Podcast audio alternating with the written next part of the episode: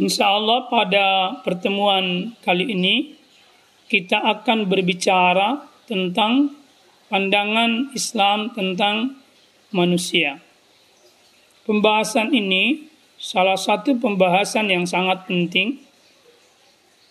Kenapa? Karena dari pembahasan ini kita bisa melakukan hadap diri atau koreksi diri atau introspeksi diri apakah kita dalam hidup ini menuju kualitas manusia sejati atau menuju kualitas manusia setan.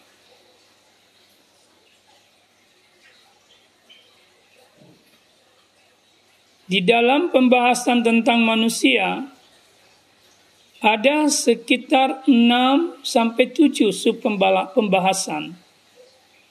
Sub pembahasan pertama, kita akan berbicara tentang terem atau kata yang digunakan oleh Al-Quran dalam menunjuk manusia. Yang kedua, unsur dan proses penciptaan manusia. Ini satu sub pembahasan. Sub pembahasan yang kedua itu dimensi-dimensi manusia dan kebutuhan-kebutuhannya. Sub pembahasan yang ketiga potensi positif dan negatif yang dimiliki oleh manusia. Sub pembahasan yang keempat manusia sebagai hamba. Sub pembahasan yang kelima manusia sebagai khalifah. Kemudian manusia sejati pembahasan keenam adapun pembahasan ketujuh adalah manusia setan. Manusia sejati itu salah satu ujung dari kelima pembahasan yang pertama. Begitu juga manusia setan itu merupakan ujung yang lain dari lima pembahasan pertama. Dengan kata lain lima sub pembahasan yang pertama yang kita sebutkan tadi itu bisa berujung pada kesimpulan manusia setan atau bisa berujung pada kesimpulan manusia sejati. Inilah yang kita akan bahas lebih dalam dalam uh, materi tentang manusia. Kita mulai dari istilah-istilah manusia dalam Al-Quran. Di dalam Al-Quran paling tidak ada enam ya atau ada tujuh istilah yang menunjuk makna manusia. Yang pertama adalah istilah al-bashar. Yang kedua adalah istilah al-insan, al-ins, an-nas, unas, jadi sudah lima. Yang keenam, istilah Bani Adam. Dan yang ketujuh, istilah zuriat Adam.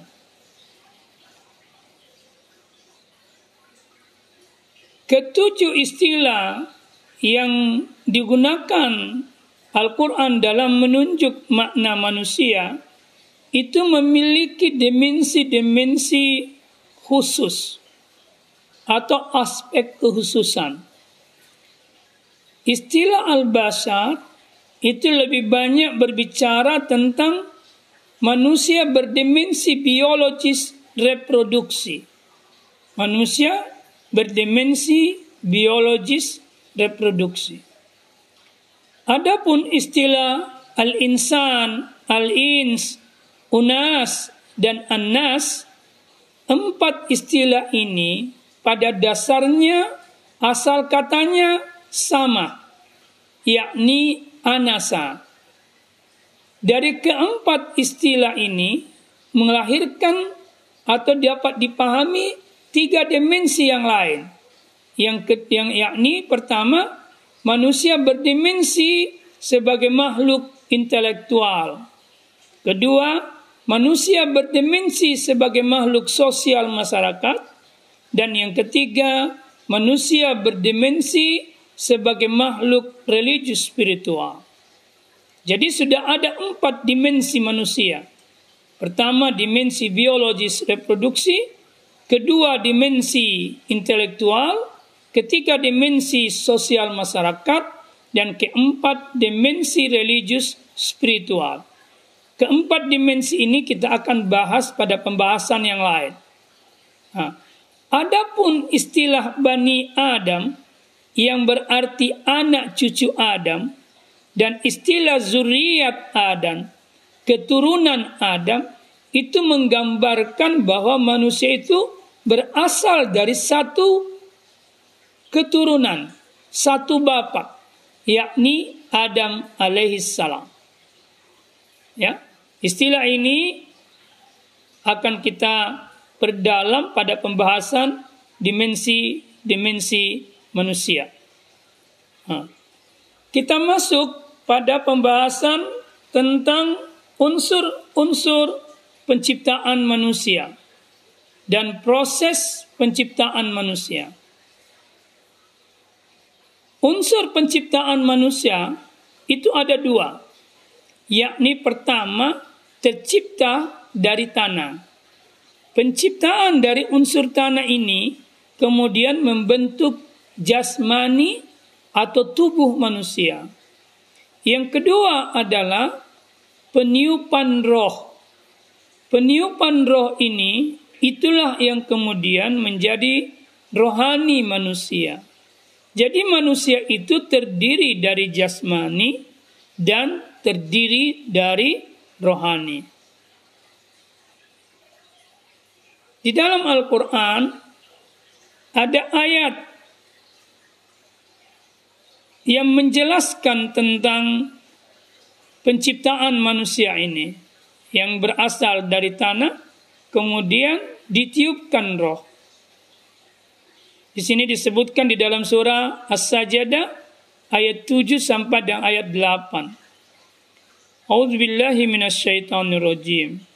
Alladzi ahsana kulla syai'in khalaqahu wa bada khalqal insani min tin thumma جَعَلَ نَسْلَهُ مِنْ سُلَالَةٍ mimma immakhin thumma sawwahu wa nafaha fihi min ruhihi wa ja'ala lakum sam'a wal absara wal afida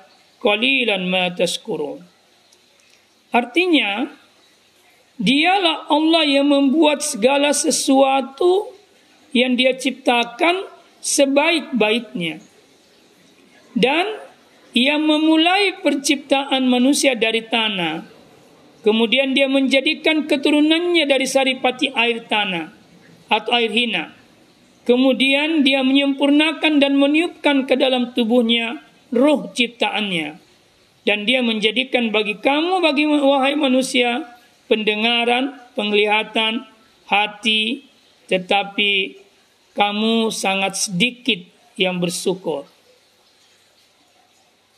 Ayat yang lain itu juga menjelaskan tentang unsur dan proses penciptaan manusia. Yakni di dalam surah Al-Mu'minun ayat 12 sampai ayat 14. Di sini dijelaskan walaqad khalaqnal insana min sulalatin min tin. Sesungguhnya kami telah menciptakan manusia dari saripati tanah. Summa ja'alnahu nutfah fi qararin makin. Kemudian kami menjadikan saripati tanah itu atau air mani yang tersimpan dalam tempat yang kokoh, yakni rahim. Summa halaknal nupa alaqah. Kemudian kami jadikan nutfah itu menjadi alaqah.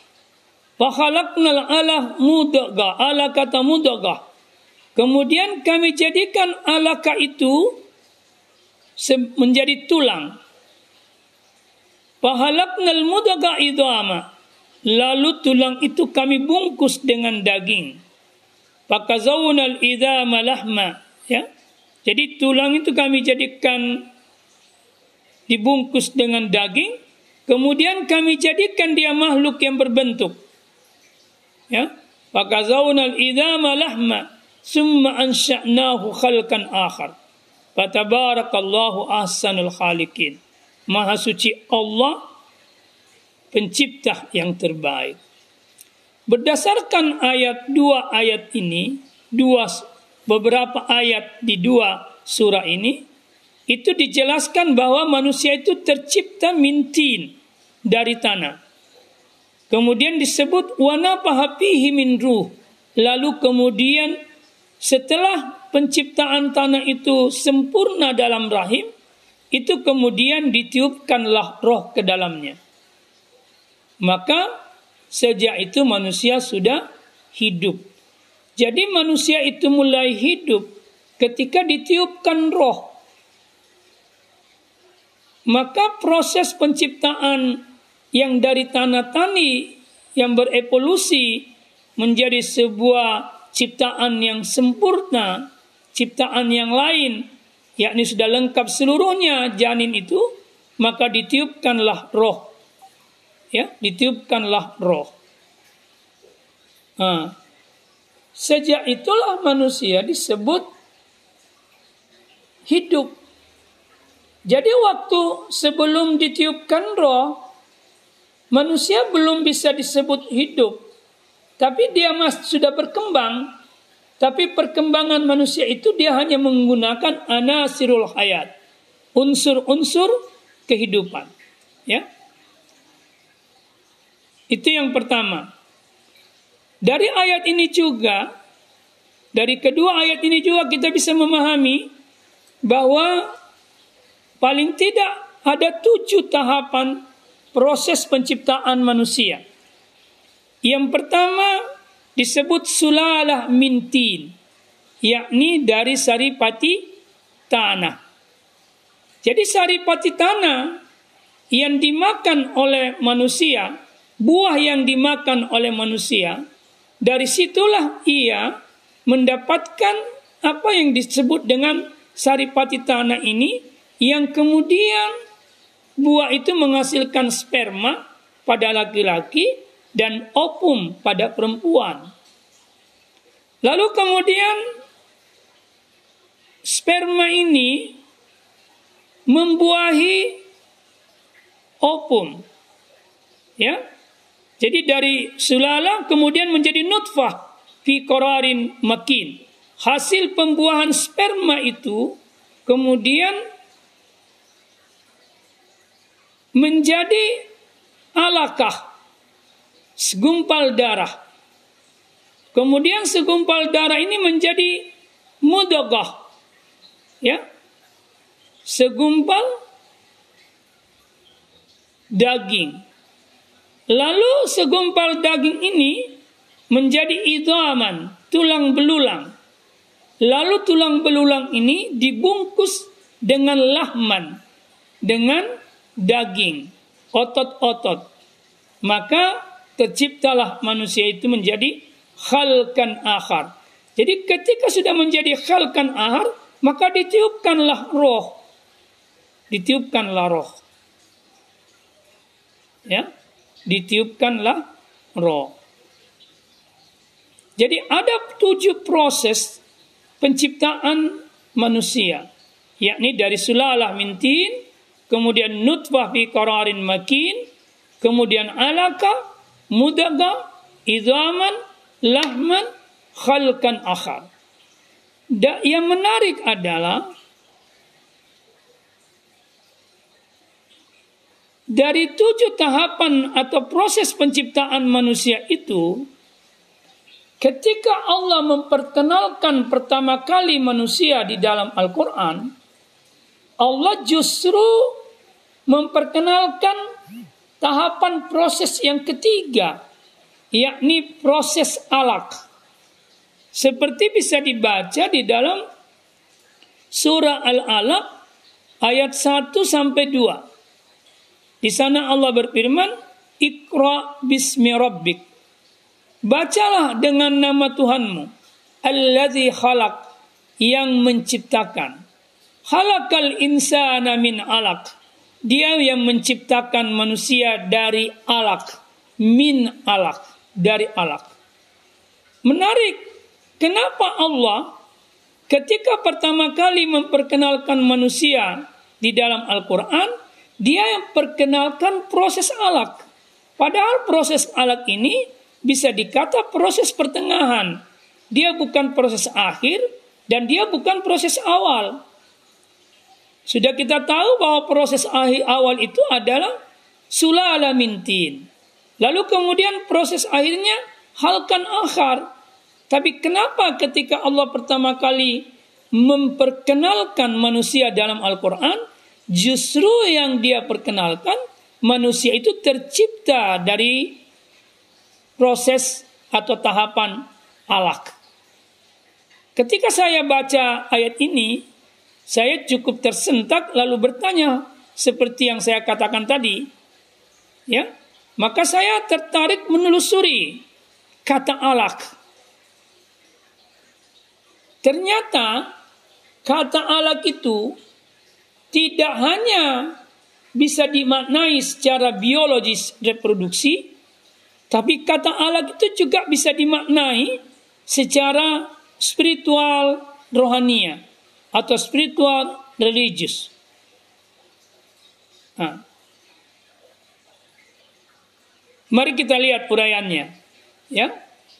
Kata alak dalam bahasa Arab sering kali diterjemahkan dengan segumpal darah. Jadi terjemahan-terjemahan Al-Quran itu selalu menerjemahkan kata alak itu segumpal darah. Padahal Kata alak itu tidak hanya berarti segumpal darah. Tapi kata alak secara etimologis atau makna pokok itu mengandung makna sesuatu yang menempel. Sesuatu yang melekat. Sesuatu yang tergantung. Dia juga bisa berarti lintah. Kalau kita pahami Kata alak dengan tiga makna yang pertama, yakni sesuatu yang melekat, sesuatu yang menempel, sesuatu yang tergantung, dan makna lintah, ternyata dilihat dari sudut ilmu embriologi, ini makna-makna ini sangat nyata.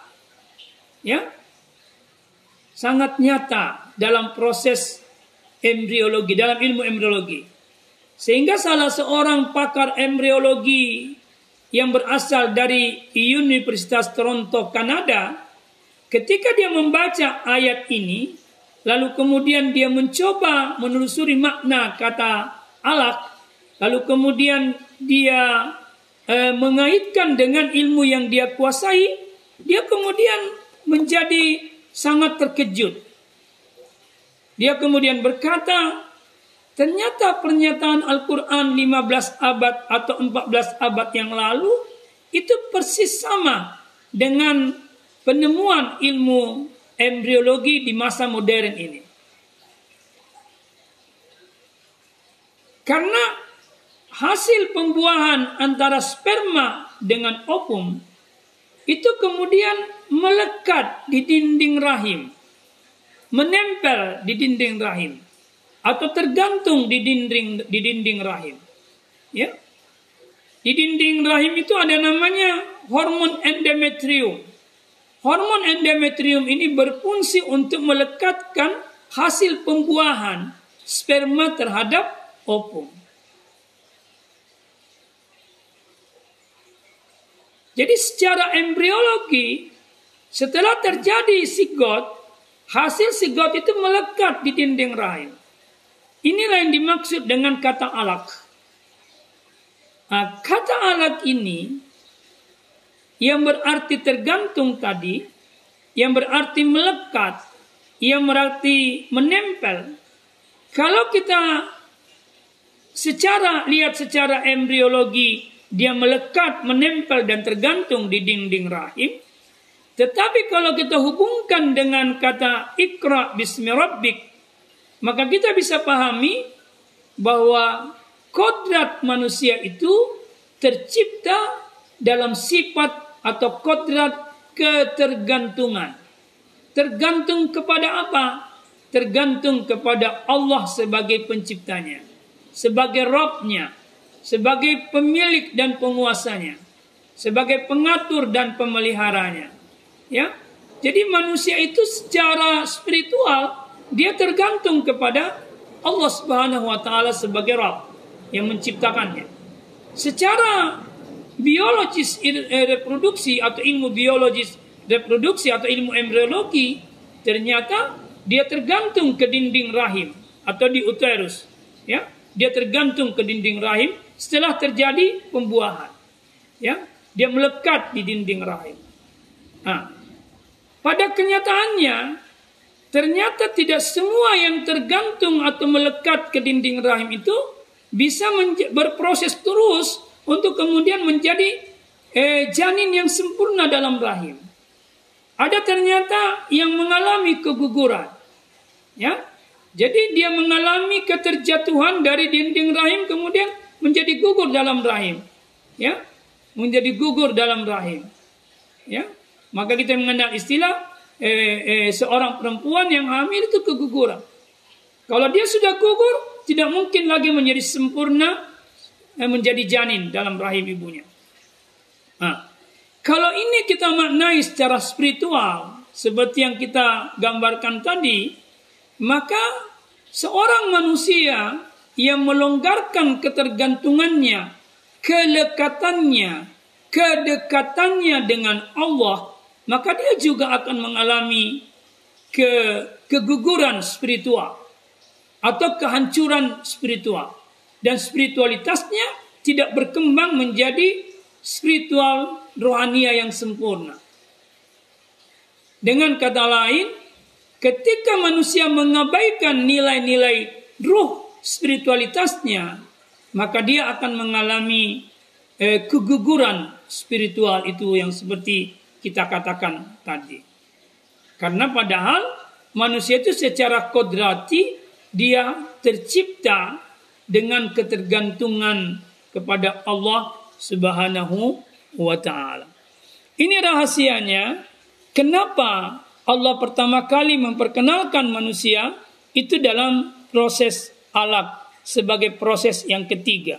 Bukan proses pertama yang ditekankan dan bukan pula proses terakhir. Allah ingin menegaskan kepada kita, kepada kita semua manusia dan ingin memperingatkan dari awal bahwa kita itu memiliki kodrat ketergantungan kepada Allah Subhanahu wa taala.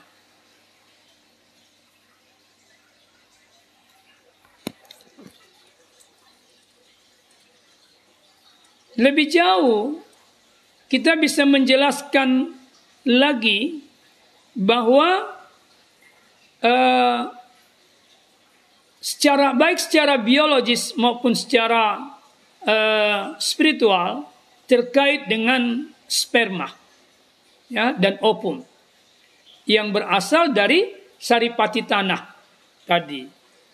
Uh, sudah sangat dimaklumi dalam ilmu biologi bahwa uh, opum yang sudah matang di akuarium itu kemudian masuk ke tuba palopi lalu mengambil sebuah posisi yang cukup tersembunyi ya. Lalu kemudian uh, sperma ini masuk ke toba palopi itu jutaan jumlahnya. Dan ternyata yang mampu membuahi opum tadi itu hanya satu sperma jadi sperma yang berasal dari laki-laki ini itu yang mencari opum yang berasal dari perempuan yang sedang tersembunyi gitu Ya, jadi dia menyembunyikan diri, tapi memberikan signal bahwa posisi saya di sini. Maka sperma yang kuat, sperma yang unggul itu kemudian mampu menembusnya lalu kemudian membuahinya. Yang menariknya lagi dalam proses pembuahan itu, sperma yang punya ekor, punya leher, punya kepala, ketika dia sudah membuahi opung, maka ekornya dilepas. Karena ekornya sudah terlepas, maka sperma itu tidak bisa goyang lagi, tidak bisa lagi melejit berlari. Tetapi seperti ketika ekornya belum lepas, karena kekuatan dia untuk bergerak itu pada ekornya.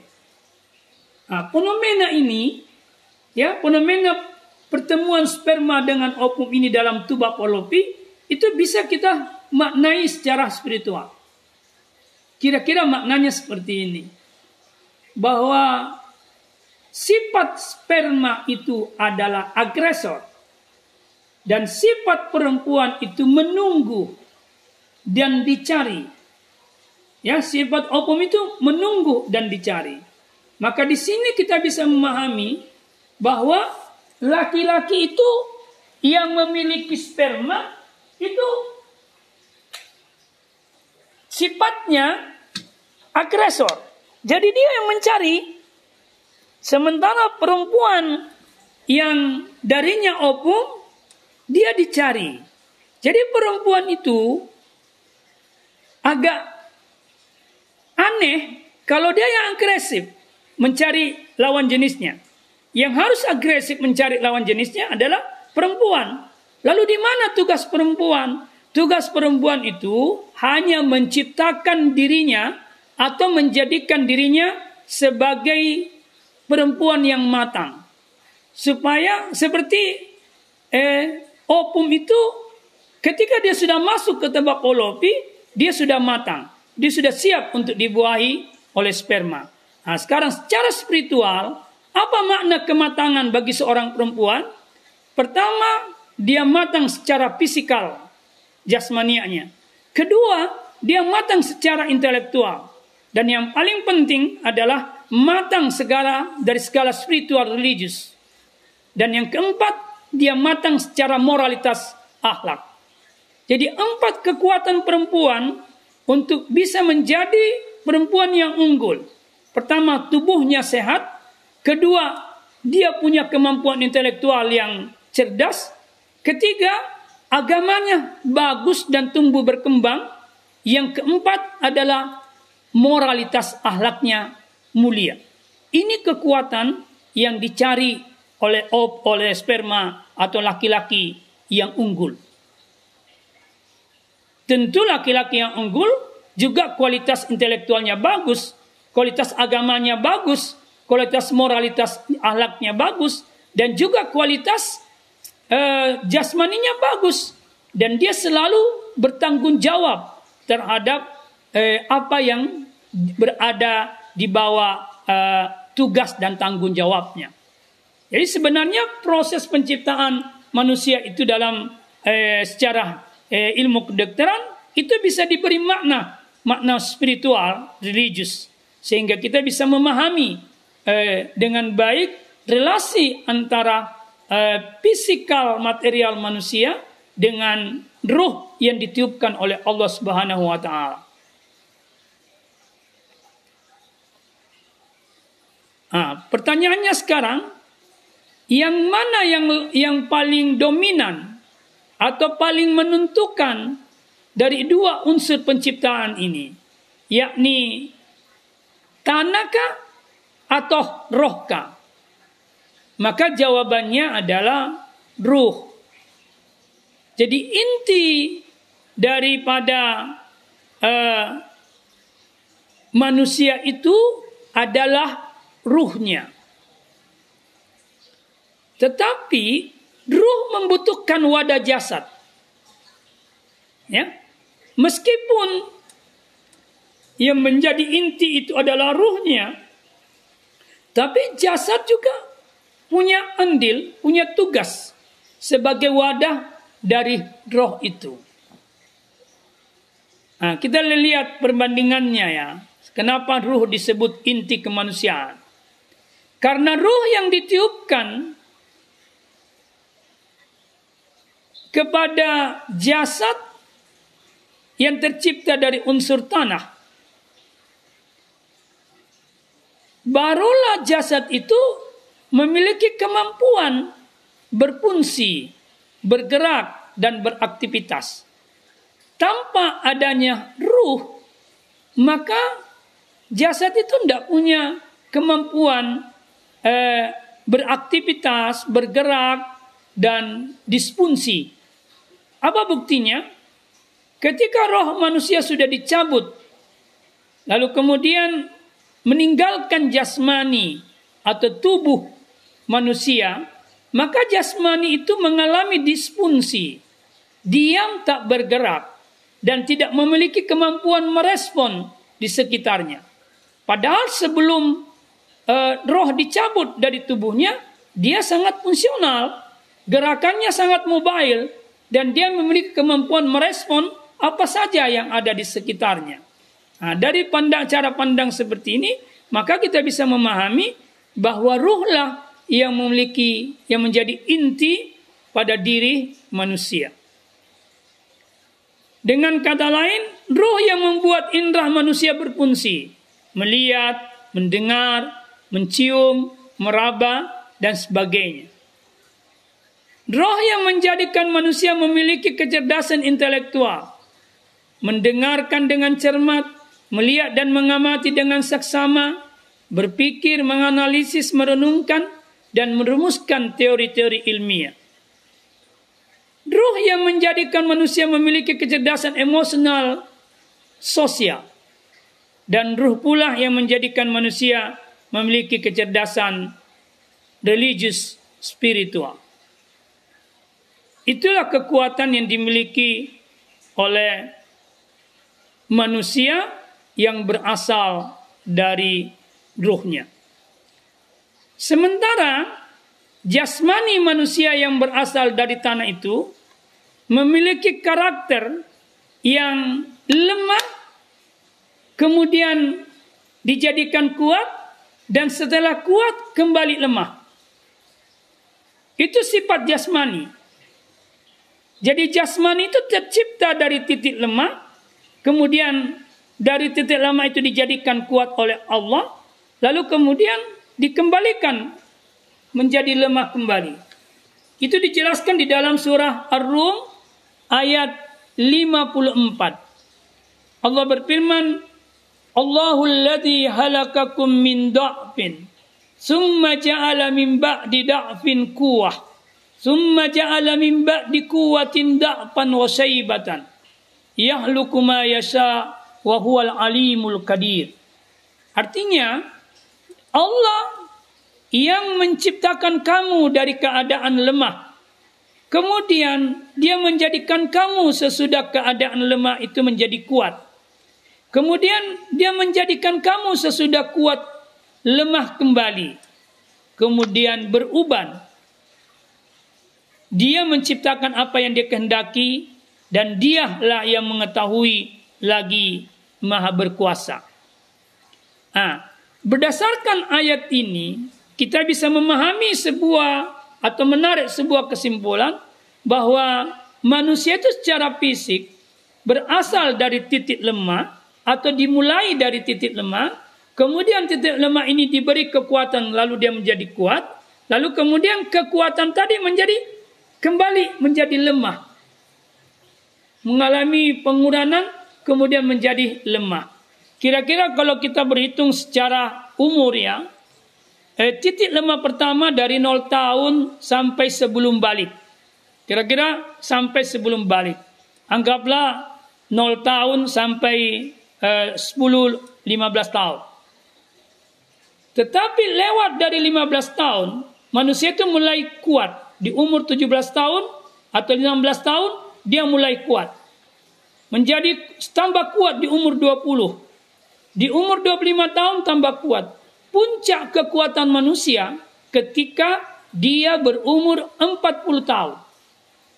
Jadi tahapan pertama 0 sampai 15 tahun itu tahapan fisik yang lemah. Tapi fisik yang lemah ini menjadi kuat di umur 16, 17 sampai Puncaknya di umur 40 tahun. Maka di umur 40 tahun ke 50 tahun perjalanan waktu kehidupan manusia kembali manusia mulai lemah. Jadi antara 40 ke 50 dia lemah. 50 ke 60 tambah lemah. Ya. Kemudian 60 ke 70 terus bertambah lemah. 70 ke 80 bertambah-tambah lemah. Di umur 90 tahun, saya kira dia sudah lemah sekali. Jadi ini proses perjalanan uh, umur manusia dan kekuatan fisik manusia. Nah, ada yang menarik untuk kemudian kita dalami. Ketika kita berada pada titik lemah yang pertama, ya, yakni 0 tahun sampai eh, 15 tahun, eh, rasa tidak aman yang kita miliki pada titik lemah pertama ini, ternyata itu bisa diselesaikan atau bisa ditanggulangi oleh orang di sekitar kita. Khususnya kedua orang tua kita, kakak-kakak kita, keluarga kita, dan orang lain. Maka ketika seorang bayi terancam dan merasa uh, lemah di hadapan tantangan yang dihadapi, maka dia menangis. Tapi ketika kedua orang tuanya sudah mengambilnya, melindunginya, maka dia kembali merasa aman meskipun dia dalam kondisi yang lemah. Jadi kelemahan di masa kecil itu bisa ditutupi oleh lingkungan sekitar kita yang kuat. agak berbeda ketika orang lemah di masa tua atau orang lemah di umur 50, orang lemah di umur 60, orang lemah di umur 70 dan orang lemah di umur 80. Kelemahan di masa tua ini itu ternyata tidak bisa diselesaikan oleh kekuatan yang ada di sekitarnya. Tidak bisa kalau kekuatan fisik yang ada di sekitarnya. Misalnya kekuatan anak-anaknya yang masih muda. Tidak ada seorang anak atau sangat sedikit seorang anak yang mampu menutupi kelemahan orang tuanya, mengurus orang tuanya secara maksimal, secara full, powerful, sebagaimana kedua orang tuanya dulu mengurusnya secara powerful di masa kanak-kanaknya. Jadi dua titik kelemahan ini ternyata berbeda. Perbedaan yang kedua dari dua titik kelemahan ini adalah anak-anak kelemahan di masa anak-anak itu secara rohani dapat diatasi oleh anak-anak itu. Kenapa? Karena anak-anak tidak memiliki rasa putus asa. Tidak melekat dalam dirinya rasa putus asa. Apa buktinya bahwa anak-anak itu tidak pernah berputus asa? Coba kita lihat dulu atau kita kembali mereview penglihatan kita waktu kita belajar berjalan. Ketika kita berjalan, belajar berjalan, kadang kita jatuh berkali-kali, tapi kita tidak pernah berhenti untuk berusaha berjalan. Apalagi kalau berkata kepada kedua orang tua kita, ibu, bapak, tahu saya belajar berjalan, ternyata sakit. Itu tidak mungkin keluar kata kalimat seperti itu sama anak-anak. Kenapa? Tidak ada rasa putus asanya. Agak berbeda ketika kelemahan itu di masa tua. Sangat mungkin dia jatuh dalam keputusasaan. Dan rasa putus asa itu adalah titik lemah yang paling lemah. Sama sekali tidak ada kekuatan di sana. Sedikit pun. Jadi kalau orang sudah putus asa, itu tidak ada kekuatan di sana sedikit pun. Nah, kalau begitu pertanyaannya, apa yang dibutuhkan manusia di masa tuanya yang lemah? Kekuatan apa yang bisa menutupi kelemahannya? Maka jawabnya adalah kekuatan kesucian rohani. Kesucian rohani. Hanya dengan kekuatan hati yang suci, rohani yang suci, yang ditiupkan dari awal eh, suci, itu yang bisa menangani, mengatasi semua keluhan-keluhan kelemahan fisik di masa tua. Itulah sebabnya, nanda sekalian, umur balik itu harus dimanfaatkan sebaik mungkin. Masa balik, remaja, dewasa awal, dewasa pertengahan, dan dewasa puncak yang di yakni di umur 40 tahun untuk memperoleh atau mengasah eh, rohani yang sudah ditiupkan Allah Subhanahu wa taala, caranya adalah eh, hiduplah bersama agama.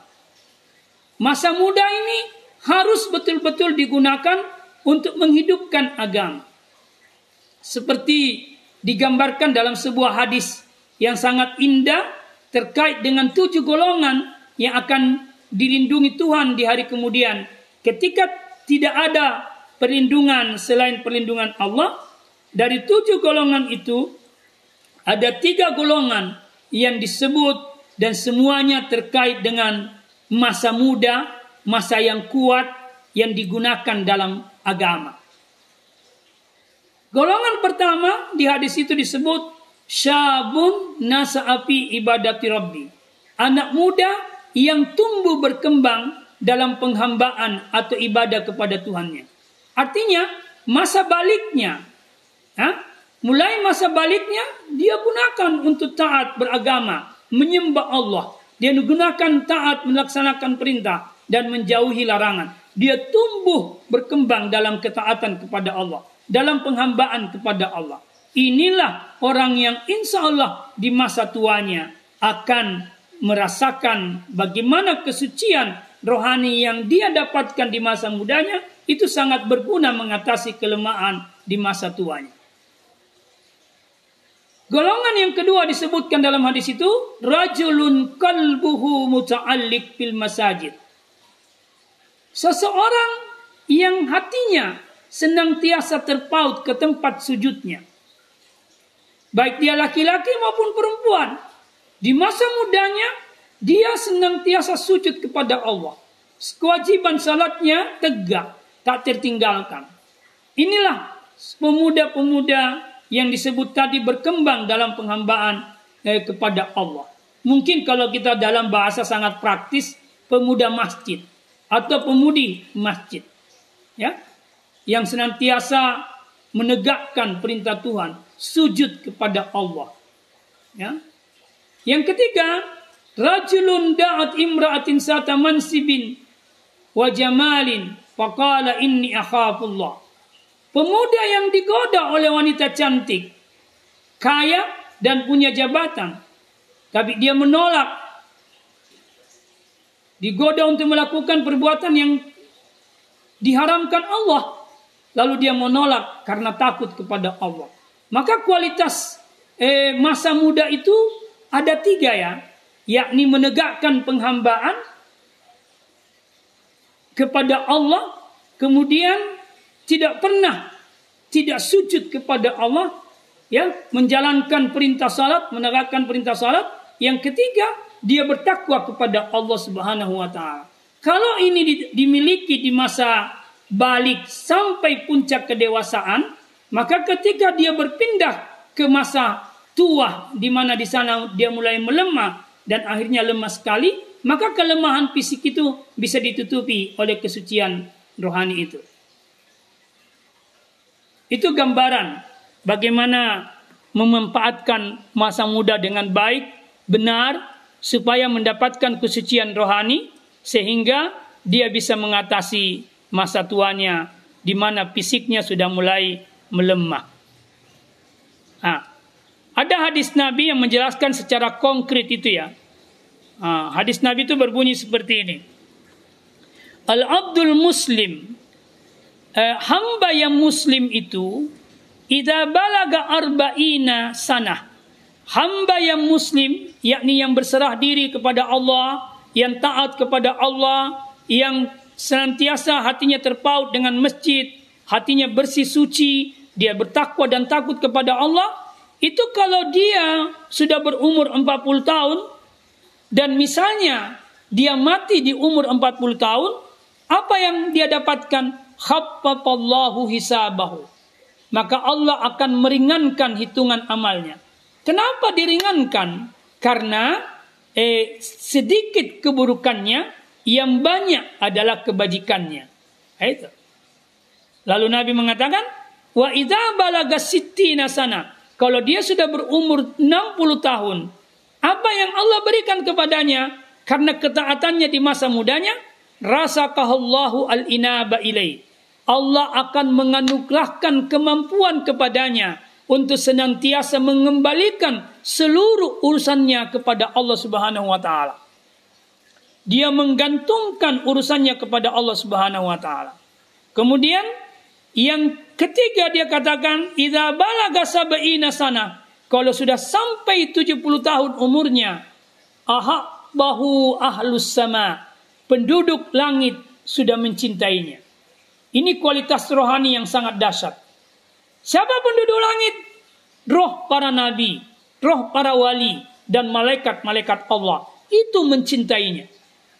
Karena kesucian rohaninya. Yang dia mulai bina di masa kecilnya hingga masuk masa remaja sampai dewasa pertengahan, kemudian dewasa puncak. Lalu hadis ini mengatakan, wa idza balaga samanina sana. Kalau sudah sampai dia berumur 80 tahun, sabatallahu hasanatihi wa mahasayiatihi. Sudah dikokohkan kebajikan-kebajikannya dan zero kejahatan. Dia tidak memiliki kejahatan sedikit pun. Ini kualitas yang lebih hebat lagi. Kemudian wa idza balagatis sana. Kalau dia sudah bersampai berumur 90 tahun, ghafarallahu ma taqaddama min sambi wa ma ampuni seluruh dosanya yang lalu dan yang akan datang. Wa Allahu fi ahli baitihi dan dia diberi kemampuan oleh Allah untuk memberikan syafaat kepada keluarganya. Dan yang paling puncak Allah kutiba fis samai asirallahi fil ard. Dia dicatat di langit sebagai tawanannya Allah di bumi. Apa yang dimaksud tawanan Allah? Orang yang dipelihara oleh Allah ketika hidupnya di bumi. Inilah puncak spiritual tertinggi yang digambarkan dalam hadis ini, ya. Dan hadis ini sejalan dengan firman Allah yang ada di dalam surah Al-Ahqaf surah 46 ayat eh, 15 dan surah Al-Hadid ayat 16. Di, di dua surah ayat ini, di dua ayat di dua surah ini itu menggambarkan tentang rohani yang dewasa eh, pasca eh, mulai umur 40 tahun eh, sampai seterusnya. Ciri yang pertama adalah rohani dewasa ini menjadi hamba yang pandai bersyukur kepada Allah. Itu ciri pertama. Ciri yang kedua senantiasa beramal saleh yang diredai untuk meraih keredaan Allah. Ciri yang ketiga memiliki kemampuan menjadi teladan dalam kebajikan bagi anak-anaknya dan cucu-cucunya serta anak keturunannya seterusnya. Yang keempat, senantiasa menegakkan gerakan istighfar dan taubat kepada Allah. Yang kelima, telah menjadi hamba yang berserah diri kepada Allah, yakni hamba yang muslim secara sejati. Dan yang keenam, memiliki kualitas hati yang husuk ketika dia berzikir kepada Allah. Yang ketujuh, dia senantiasa berzikir mengingat Allah Subhanahu wa taala di mana pun kapan pun dia berada. Yang kedelapan, senantiasa berinteraksi dengan Al-Quran, mengamalkan Al-Quran dalam kehidupannya, sehingga Al-Quran itu menjadi moralitas ahlaknya. Yang kesembilan, terbebas hatinya dari kalbun kasyiah, kalbun yang keras, tertutup, terkotori, hitam pekat. Dan yang terakhir, dia terbebas dari kepasikan, dari dosa dan kemaksiatan. Inilah kualitas hati dan rohani yang dewasa di saat fisik menjadi tua.